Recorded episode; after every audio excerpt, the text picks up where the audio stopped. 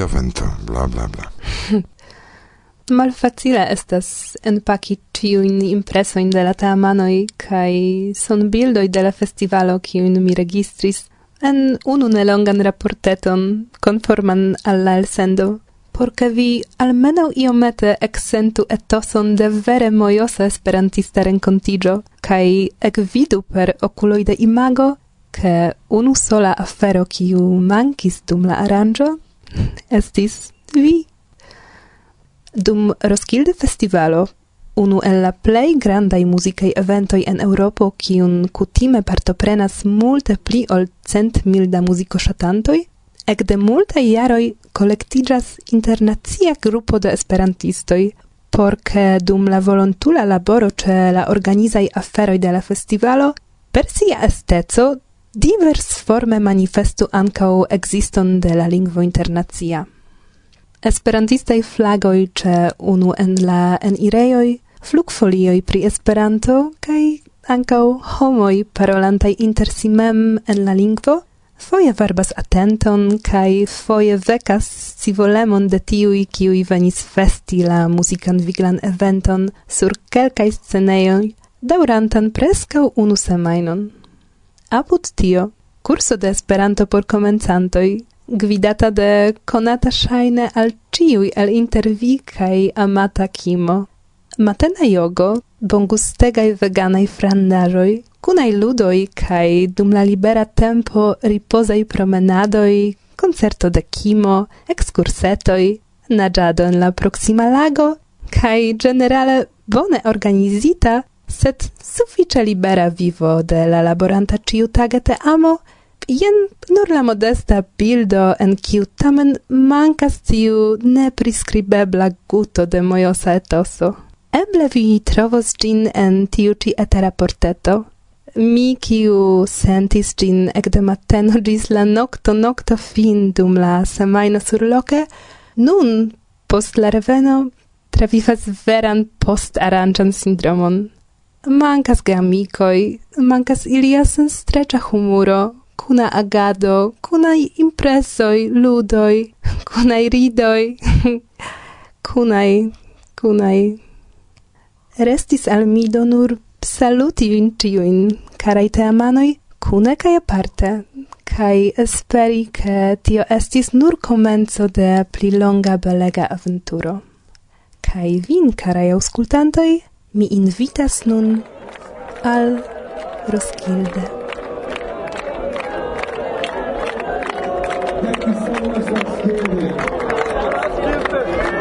I made this next song um, with Ozzy Osbourne. It's called Take What You Want.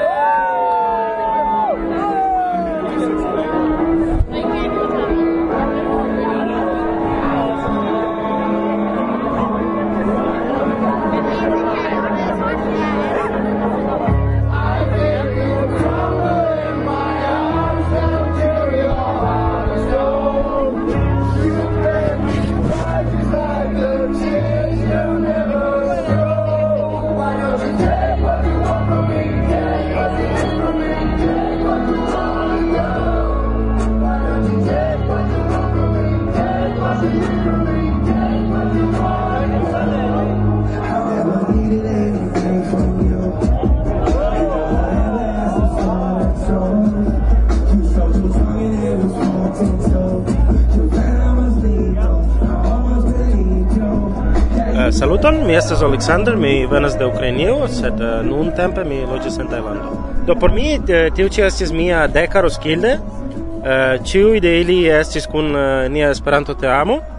Estis uh, kvindeka roskilde festivalo ĉi-jare, ki ĝi havis du jaran paŭzon pro la koronavirusa pandemio kaj uh, uh, dum nia laboro ni de ni ĉiuj havas tri deĵoroj Tigi ocore dejore che come ni helpas kun la kuirado, organizado, pacado en eh, nia Esperanta bazeo kai ali tempe ni simple iras eh, uh, kun iras al koncertoj kai uh, eh, por mi persone la play interesa parte estas che estis mia unua festivalo al kiu mi kunportis mian patrinon do mi sed fakte mi ne estis la unua persona kiu faris tiun. Uh, la pasinta Androskilde kiu okazis en 2019 ankaŭ estis irana knabino kiu tiu faris.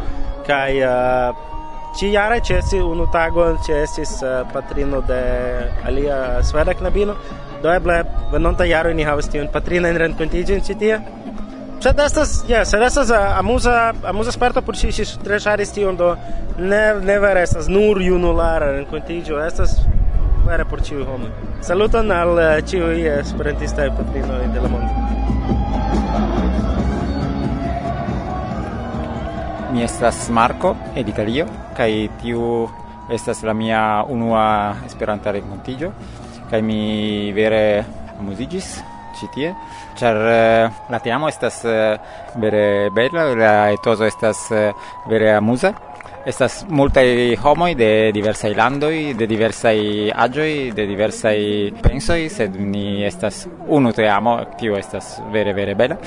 Kaj mi anche ŝatus la festivalo, estas multege da koncertoj. Por la unua foio en mia vivo mi dancis kun flago. mi shategis uh, eh, svingi la flagon uh, dum la koncertoj char uh, mi neniam faris. Do tiu dec tagoi mi faris por la unua foio en mia vivo multege da da um, feroj. Do la vivo facilas citie char estas bone organizata.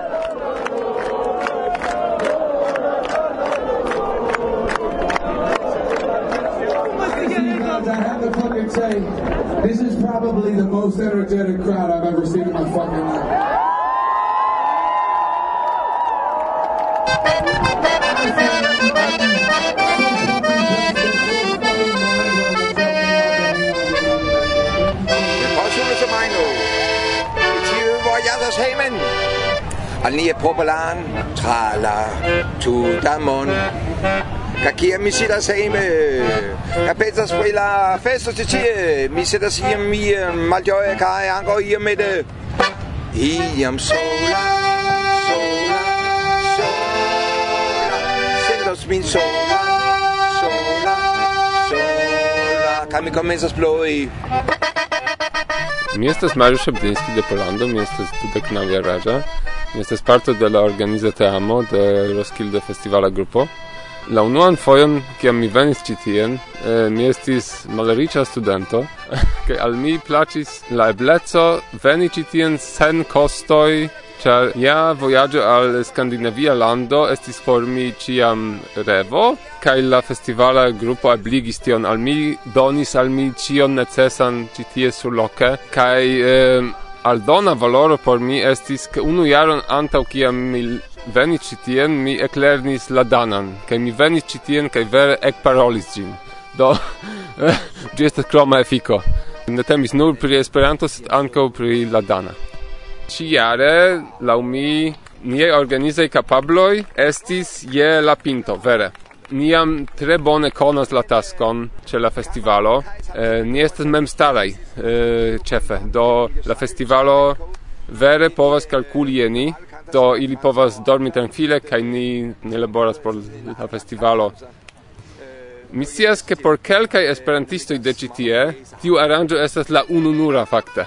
Tiuj kiuj havas malgrandajn infanojn ne vere havas ŝancon veni al li loken, do ĉi tie ni renkontiĝas en vere specifa grupo kaj multaj homoj venas ĉi tien plurfoje kaj mi konas ilin nur de ĉi tie.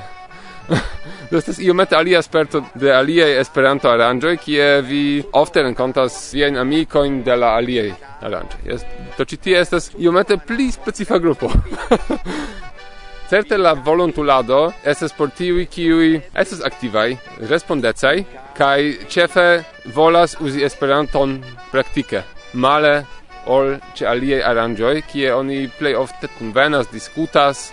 citie ni havas praktikajn taskoin, de Esperanto estas tio, kio gi devus esti, do estas la rimedo por fari ĉion.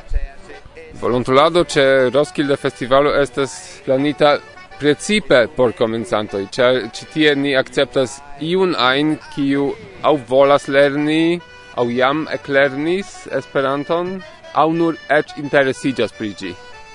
Do ni volas fari amikeman rondon ci tie kaj tio videblas ke tiu comenzanto kiu veni ci tien dum unu semajno faris grandegan progreson, grandegan salton antaŭen. Do eĉ se iu ne certas ke Esperanto estas por li aŭ ŝi, la muziko, la festivalo mem estas io interesa, do ni ne vere devas zorgi pri alia programo, ĉar ja granda muzika evento estas en si mem interesiga kaj mojos esperto.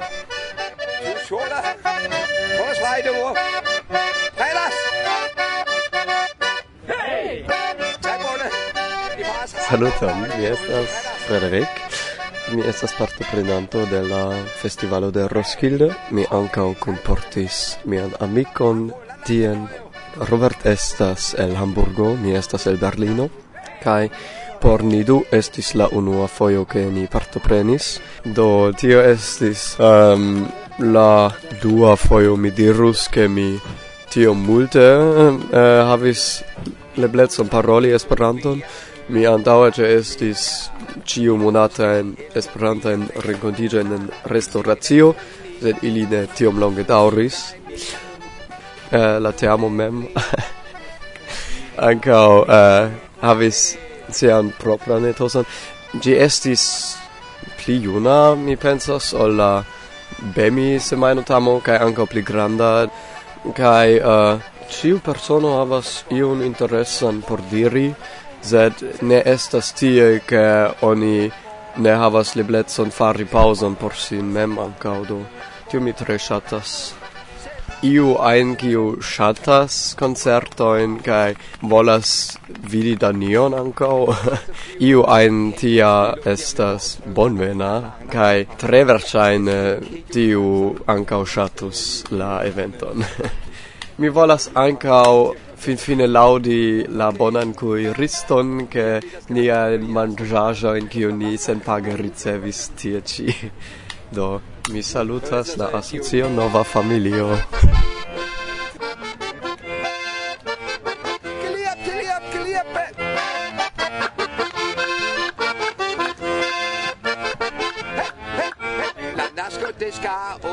Mi estas Sasha, kaj eh, mi iam eĉ aktivis en Eh, Varsovio iomete do saluto Irek se vi daŭre memoras min. Uh, mi venas al Roskilde ĉiu jaron ekde 2008 kaj ekde 2009 mi iĝis unu el kunorganizantoj ĉijare mi faris iom malpli sed mi pensis ke tamen mi ne sukcesis eviti kelkajn aferojn uh, eh, estas uh, ege strange sento veni al Roskilde post tiom granda paŭzo char uh, la lasta anto nun estis en 2019 quasi sentigas che mi hierau estis ĉi tie en Roskilde do ciam gi estas quasi unu festivalo post alia estas la daurigo do estas agrabla reveni malgro la freneza etoso ne tiom bona doro, iom da koto, sed la mi anko la etoso gravas, ka nia grupo esas vere bonega, mi vere ciare ŝatis, ni, ha, ni estis eh,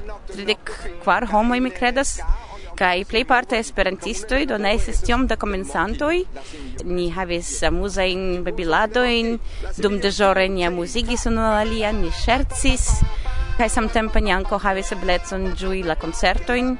Do mi tre rekomendas, ke vi provu la festivalon, se vi volas eh, provi ion frenezan festivalo en okcidenta Eŭropo, kiu normale kostas 30 eŭroj provo veni kun ni kai vi deĵoros kaj ni pagos por vi la multkostan danan manĝon, ĉar ankaŭ la dano manĝo estas tio. Do la plej grava afero estas ke vi venas eh, eble tamen havas iomete da taŭgaj vestaĵoj por la danaj tagoj kaj noktoj, ĉar Estas iomete malvarma, povas esti dek du gradoj dum nokte, povas esti ok, povas esti dudek, dependas. Sed nun kun klimatŝanĝo kompreneble ĉio povas ŝanĝiĝi, vi neniam scias. Sed mi vere rekomendas, ke vi venu al 2023 kaj ni havu eĉ pli mojosan feston kune kaj esperantumu en eh, tiu freneza dana festivalo.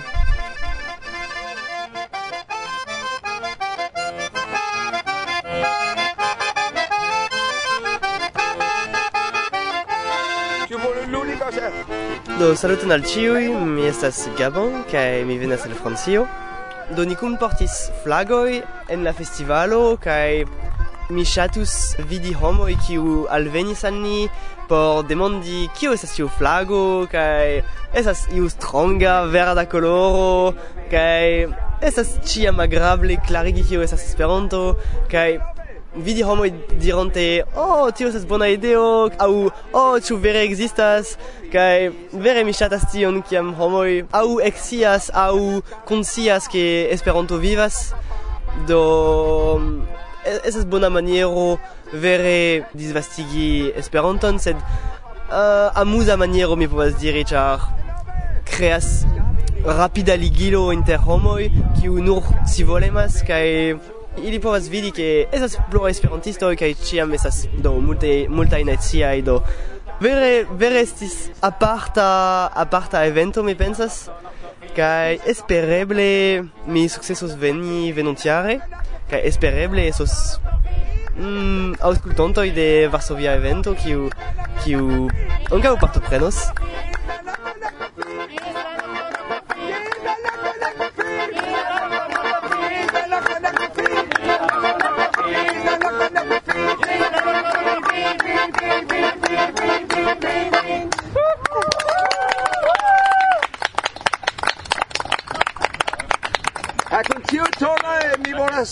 Tony le votan al Simona pues, for Inauguri la Teamon.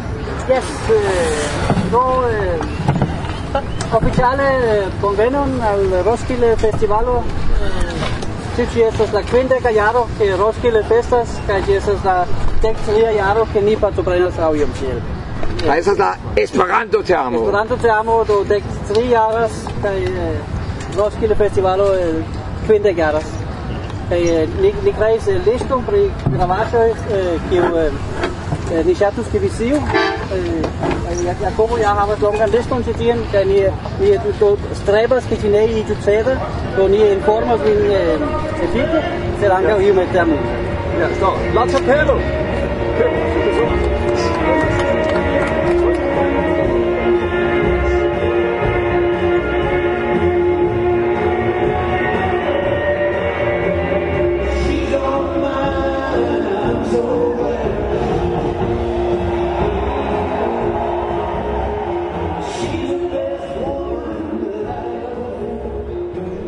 nomo estas Gert, kaj mi naskiĝis en Brazilo. Kaj mi partoprenas de uh, tiu Roskilde Festivalo per la Esperanta organizo jam de pluraj jaroj kaj mi nuntempe helpas en, en kuirado. Kutime ni havas deĵoron kaj ni ankaŭ ĝuas kune estas koncertoj muzikaj tre tre interesaj. Sed tio kiu plej allogas min eh, en tiu aranĝo ne estas vere la ĝuado kaj la, la festivalemo estas la laboro, char la unua foio que mi partoprenis. Mi estis en mezo de mia doctorigio, do mi ne havis tempo por ĝui partopreni, mi venis nur vere kaj nur laboris kaj post forizis re en la universitato. Sed estis tiel bonega, estis tiel diversa Esperanta aranĝo, char ni vere laboris, ni volontulis kun bona celo kaj ni uzis por tion Esperanton kai la laboro es stil amuza, es stil frata, kai mi venis la sekva jaro, kai nove kai de nove pro la ĝuo kiu mi havis en la laboro.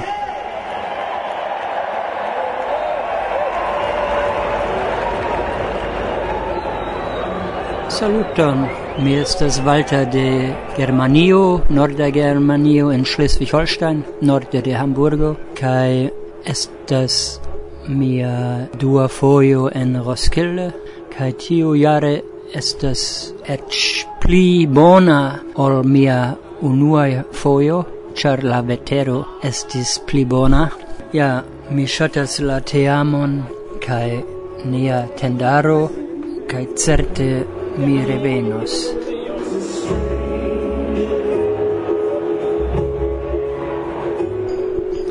Uh, mia nomo estas Andrei, uh, mi venos uh, Moldavio kaj uh, Transnistrio. Uh, uh, mi uh, estas komencanto uh, esperantisto. Eh, Roskilde estas bona ideo eh, por um, es, eh, komencantaj eh, esperantistaj. Ĉe ni laboras kune eh, kaj ni helpas unu al alia. Estas eh, bona eh, metodo lerni ĝin.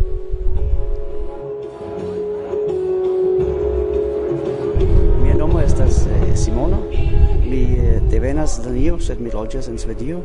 Eh, kaj mi estas eh, parto de la organizociamo de la Roskilde Festivalo Esperanto Grupo.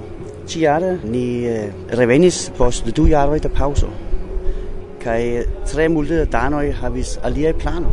Kaj tiel por ĉiuj organizoj ĉe la Roskilde Festivalo estis malfacile trovi partoprenantoj. Kutime nia teamo estas pli malpli tridek esperantistoj kaj pli malpli dudek antaŭintoj. Dan parolantoj helpas ke organizantoj ne devas same multe eh, stadi en la porto mem, ĉar eh, ili povas paroli la danan kaj tion rajtas en la radio. Eh, Sed ĉiare ili ne aperis. Kaj pro tio Esperanto iĝis la ĉefa laborlingvo kiun ni uzis la tutan tempon. Kaj do ni finfine fakte atingis tion kiel unu el la, la celoj kiun ni havas en la organiza eh, ĉar Ciam ni emis montri che Esperanto estas eh, lingvo kiu estas ja usata. Ti ne nur estas mortinta ideo kiu aperis antaŭ multaj jaroj kaj nu estas for. Ĝi fakte vivas. Do ni eh, festos kaj montras la flago eh, kaj ĉifoje ni sukcesis per ankaŭ havi Esperanto kiel la plej ĉefa lingvo en la paseo kaj la laboro. Do mi tre ĝojas pri ĉi jaro ĝi estis tre bona sperto por mi, sed estas eh, kutima afero eh, kun Esperanto aranĝoj ke kiam eh, ni ekis eh, kadre de la eh, dana Esperanta junularo. Ni estis eh, ne tiam spertaj organizantoj kaj junoj entuziasmaj sed eh, ni faris terure malbona e aranĝoj komence eh, kaj homoj forfuĝis kaj mi tute komprenas eh, Kaj nun, eh, post eh, dek kvin jaroj de spertoj, ni estas ja sufiĉe bonaj organizantoj, sed ni ne plu eh, alpatenas al la junulara grupo, ĉar la jaroj pasis. Sed mi ĝuas, ke mi povas esti parto de tio ĉi, ĉar ĉi vere estas bela sperto por mi.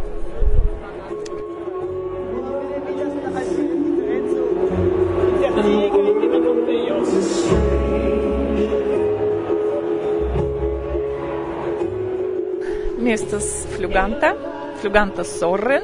Mi unuan fojon partoprenis en 2010 kiel volontulo, kaj mi tre ŝatis. Ĉiuj jaroj estas bonega etoso. Ni havas Esperanta klason kaj jogon ankaŭ. Ĉiuj fojoj estas diverse. Alvenas novaj homoj, revenas tiuj kiuj ŝatis, ni revenas, ĉar eh, ni jam estas kiel familio kaj ni vidas unu al alie vere nur dum la festivalo. Foi fui okazas dum jaro, sed generale nur ĉi tien kaj ni simple revenas de nove brakumi unu al alie kaj fari tion de nove. Bonvenon! Aliĉu al nia familio!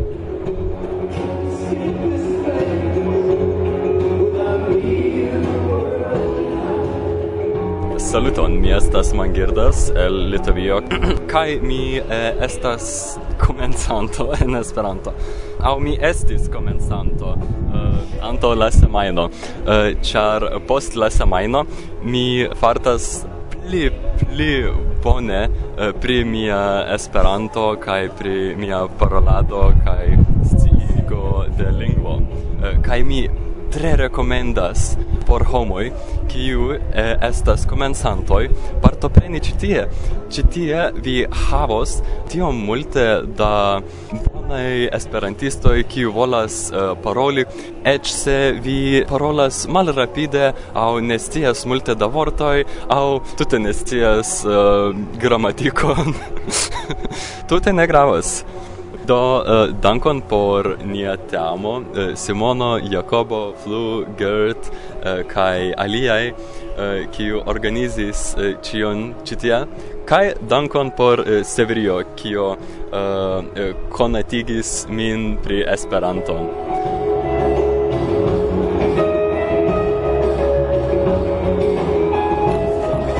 Tekton, die min neniam parkere, sed esas, esas. Ok.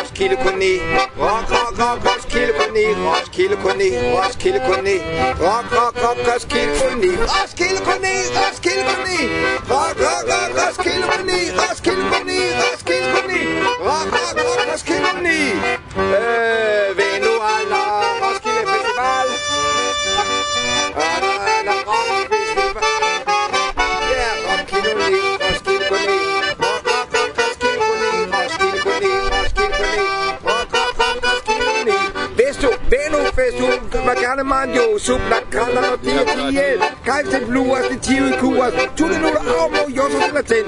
Estas en park nok kaj tag kaj ni tomo se la para sa tag kaj ni iam la povas kaj ni iam de shovas ĉe la urate se no ni statas sub la kanta flak Mi me mærkes. mi me må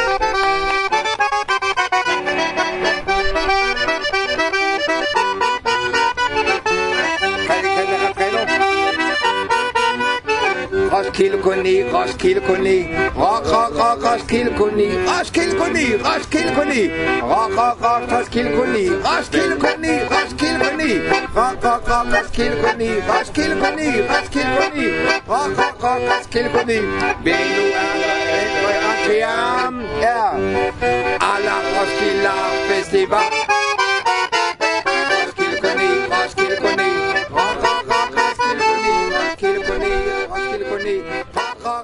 Koni. Tiel. Sveiki, šiuo metu jūs klausote tinklalaidės Varsovie evento ir man liepia pasakyti bla bla bla.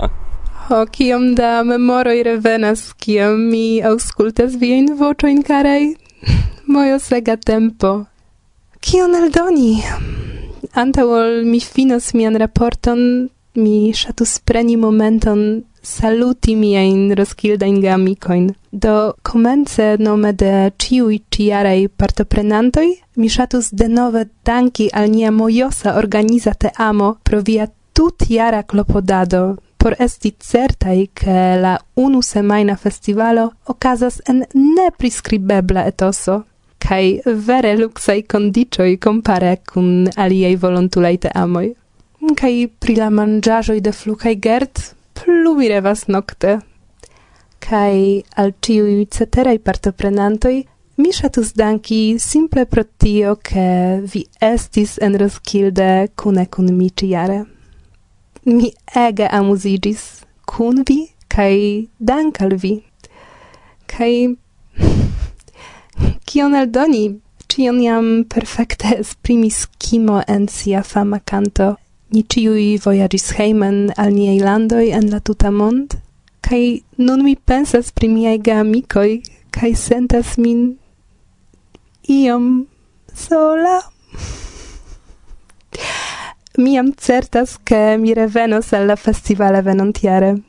Mi esperas che de nove mi rencontigios tie cun miei geamicoi, kai eble povos roskildi ancau cun iu el intervi.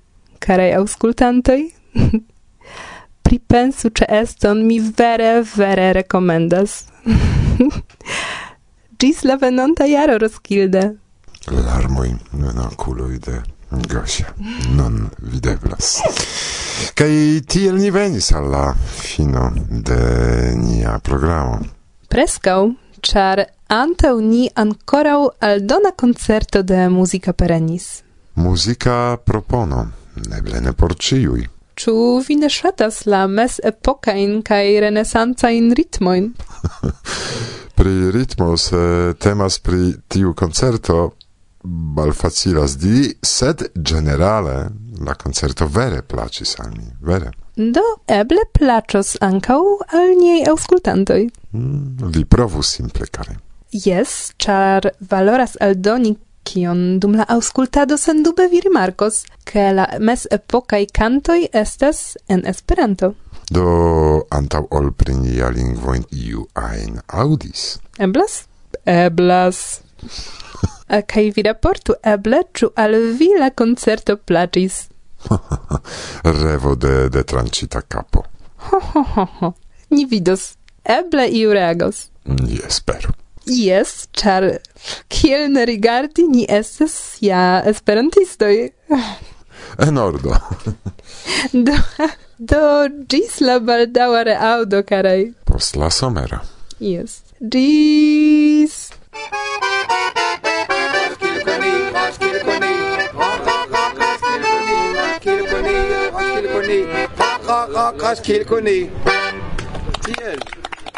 E agora estou ouvindo o podcast da Varsovia Vento e blá blá blá.